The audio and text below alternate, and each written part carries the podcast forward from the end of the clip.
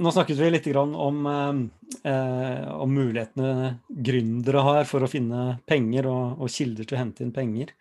Eh, og da nevnte du noen eksempler, eh, Jon. Kunne du sagt litt mer om de? Jeg dro vel opp bare en seks-syv forskjellige mulige, typiske måter man finansierer en startup på. Var, vi snakket jo om bootstrapping i den kontekst av etablerte virksomheter. og det det å uh, bruke sine egne sparepenger eller selge huset eller noe sånt er jo for så vidt en metode. Uh, så har du jo uh, crowdfunding, egentlig bare en type sånn produkt-crowdfunding som vi kjenner, eller equity crowdfunding, som også begynte å bli registrert, som ser ut som begynte å bli ganske populært. Der har jeg en morsom historie. Ja. jeg var hos, jeg hadde med en gründer som drev med crowdfunding til hvem var det? Var det Deloitte jeg tok ham til? For å finne ut hvordan man kunne tilpasse denne ideen om equity funding til norske eh, forhold. Eh, fordi altså equity funding betyr jo at du går og får inn medeiere, mer eller mindre. Du kan kjøpe deg inn, så blir du medeier.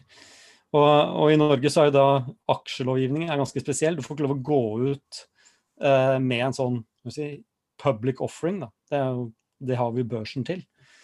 Så, så, det, så, hvordan kunne man liksom få plass til at gründere kan legge ut business case sitt, og så får du da investorer med, som da ikke gir lån, men blir medeiere. Eh, og svaret disse, eh, disse advokatene kom fram til på, på, en uke, var at norsk samvirkelovgivning er helt nydelig til, til akkurat dette her. Det, hvem skulle trodd? Ja. Så svaret fra dem var 'you'll need a lawyer'. Men... Ja. Og samvirkeloven. er det derfor den pizzeriaen heter uh, Lofthuset samvirkelag? ja. Eh, utover det så har du jo familie og venner. Den er jo interessant i konteksten av etablerte bedrifter, for så vidt. så er det jo tradisjonelle långivere, banker, bridgelån osv. Uh, Engleinvestorer nevnte jeg vel. Ja. Uh, og inkubatorer og uh, venture capital. Ja. Har jeg glemt noe da? Nei, det er vel det vanligste, uh, mest utbredte. I tillegg så har du jo dette soft money, da, altså softfunding av type Innovasjon Norge, virkemiddelapparatet som, eh, som, er penger som det ikke Man kaller det softfunding, fordi det er, man regner liksom penger som det ikke stilles så veldig sterke krav krav bak. Eller du, du, får ikke med deg en eier som, eh, som uh, gjør livet ditt vanskelig senere. For det har jeg inntrykk av at uh, mange bedrifter er på en måte gode på å søke til Innovasjon Norge om midler når de ønsker å utvikle et eller annet. Uh, så det liksom, jeg opplever at man gjør det, eller man gjør det som vi snakket om i forrige episode, at man forventer at produktet på en måte skal være selvfinansierende på et eller annet tidspunkt. Eller så kjører man det over et sånn markedsføringsbudsjett eller eh, det grønne budsjettet, eller hva det måtte være. ikke sant? Eh, men de andre som er nevnt her, dem ser man ikke så mye til i etablerte virksomhet. Nei, det, jeg har ikke tenkt så mye på det sånn på forhånd her. Men jeg vet ikke om det er noen liksom andre Vi snakket jo om bootstrapping, og på en måte den er jo ganske grei å trekke en parallell til, liksom.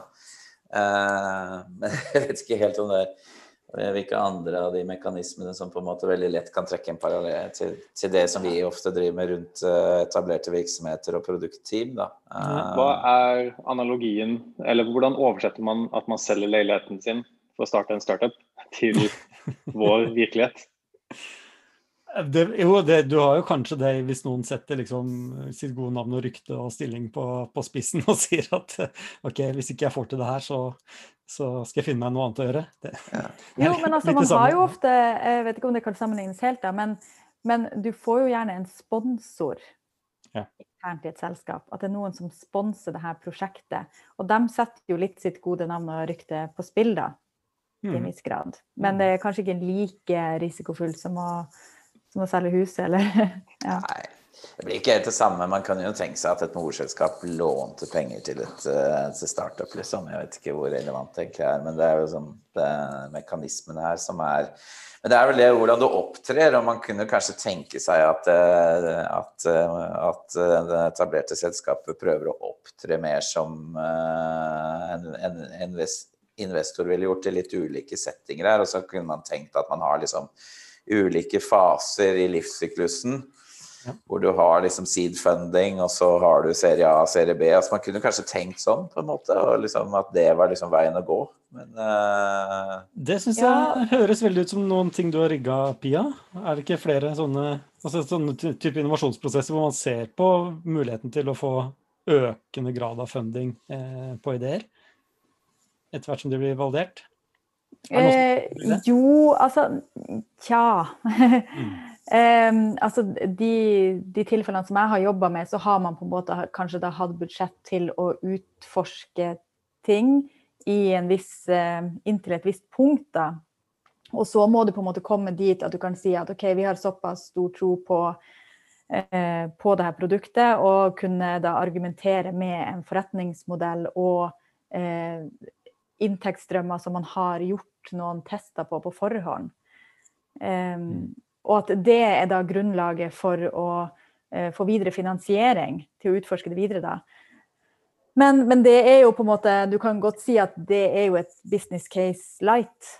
Mm. Eh, men som jeg for så vidt har trua på, da, for jeg tenker at det er jo bedre enn å ikke ha et business case i det hele tatt, og mer realistisk kanskje enn å lage et, eh, et luftslott av et business case. Ja, men der, der, der, er du inne på noe som er en veldig viktig altså En sterk fordel med bootstrapping er jo at man får en skalering som stemmer bra. Du, du, ikke, du lager ikke mye produkt eller investerer for mye i, i, i ting som ikke gir verdi, før du, mid, eh, før du skalerer opp. Eller du skalerer ikke opp for tidlig. Du putter ikke for mye ressurser i det før du på en måte har fått eh, traction. da hvis du må bootstrappe. Mm.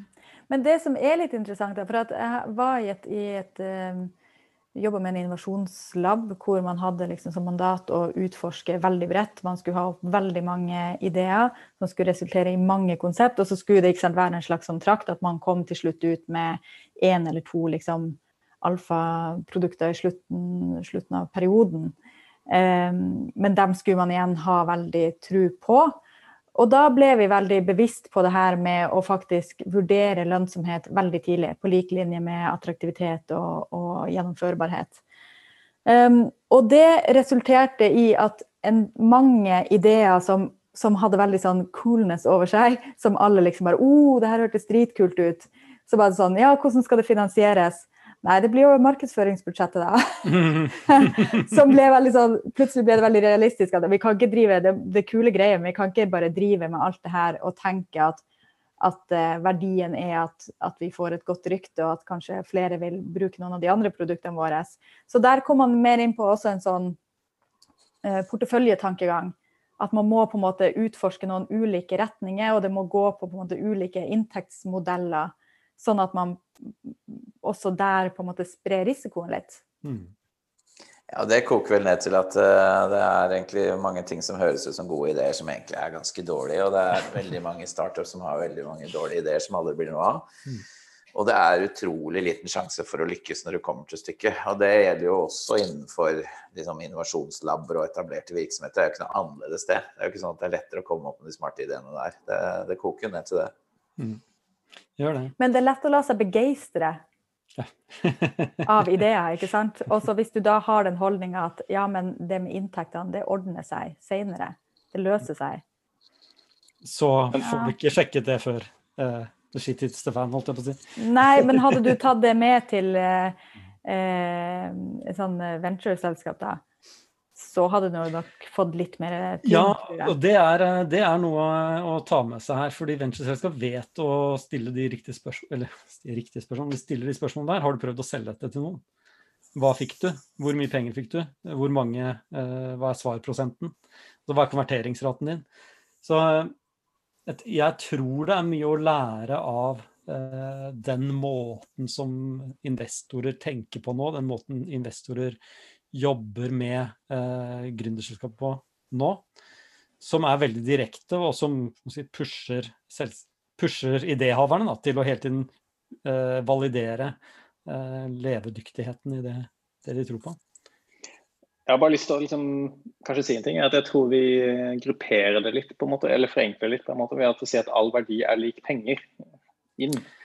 Uh, og der tror jeg nok det er noe vi bør liksom, snakke litt mer om. fordi jeg driver og snakker med en startup, en fyr som har solgt leiligheten sin for å pursue et verdiforslag. Han har lyst til å gjøre livet bedre til studenter. Han har lyst til å ha nok penger til at han kan satt på spissen bare drive det og leve av det sammen med noen flere. Men penger er ikke the ultimate goal, da.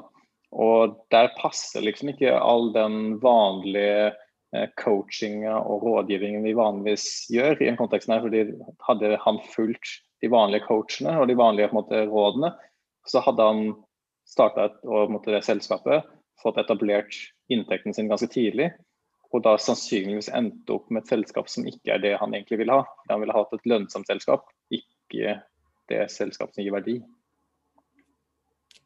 Jeg foreslår vi tar det i en egen episode. Man skal vel betale det. Skal betale regningen sin han òg?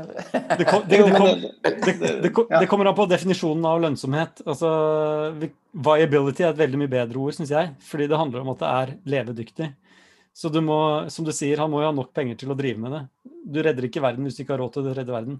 Så du må, du må i hvert fall ha minimum det. da. Mm. Så, og, men dette er en veldig viktig diskusjon. Det er noe første jeg spør eh, når jeg snakker med gründere, det første jeg spør dem om, er liksom, hva er det dere vil? Hva vil du? Vil du gjøre dette for å bli rik? Gjør du det for å eh, ha verdens kuleste arbeidsplass, eller gjør du det for noe annet?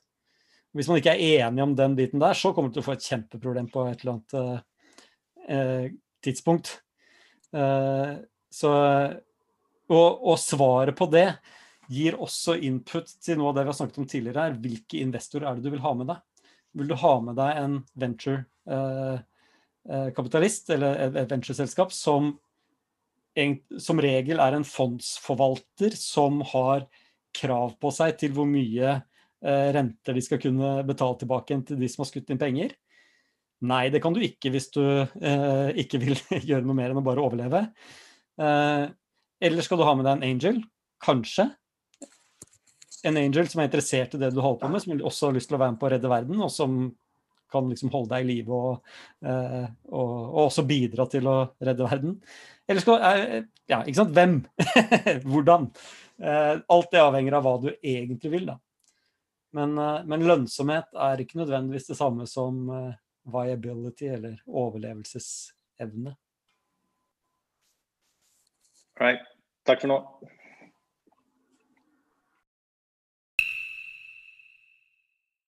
Drypp er en lavterskelpodkast fra Beck, hvor vi diskuterer diverse temaer som interesserer oss. Og Hvis du har et tema som du har lyst til at vi skal snakke om, eller du vil være med på en innspilling, ta kontakt på drypp.beck.no.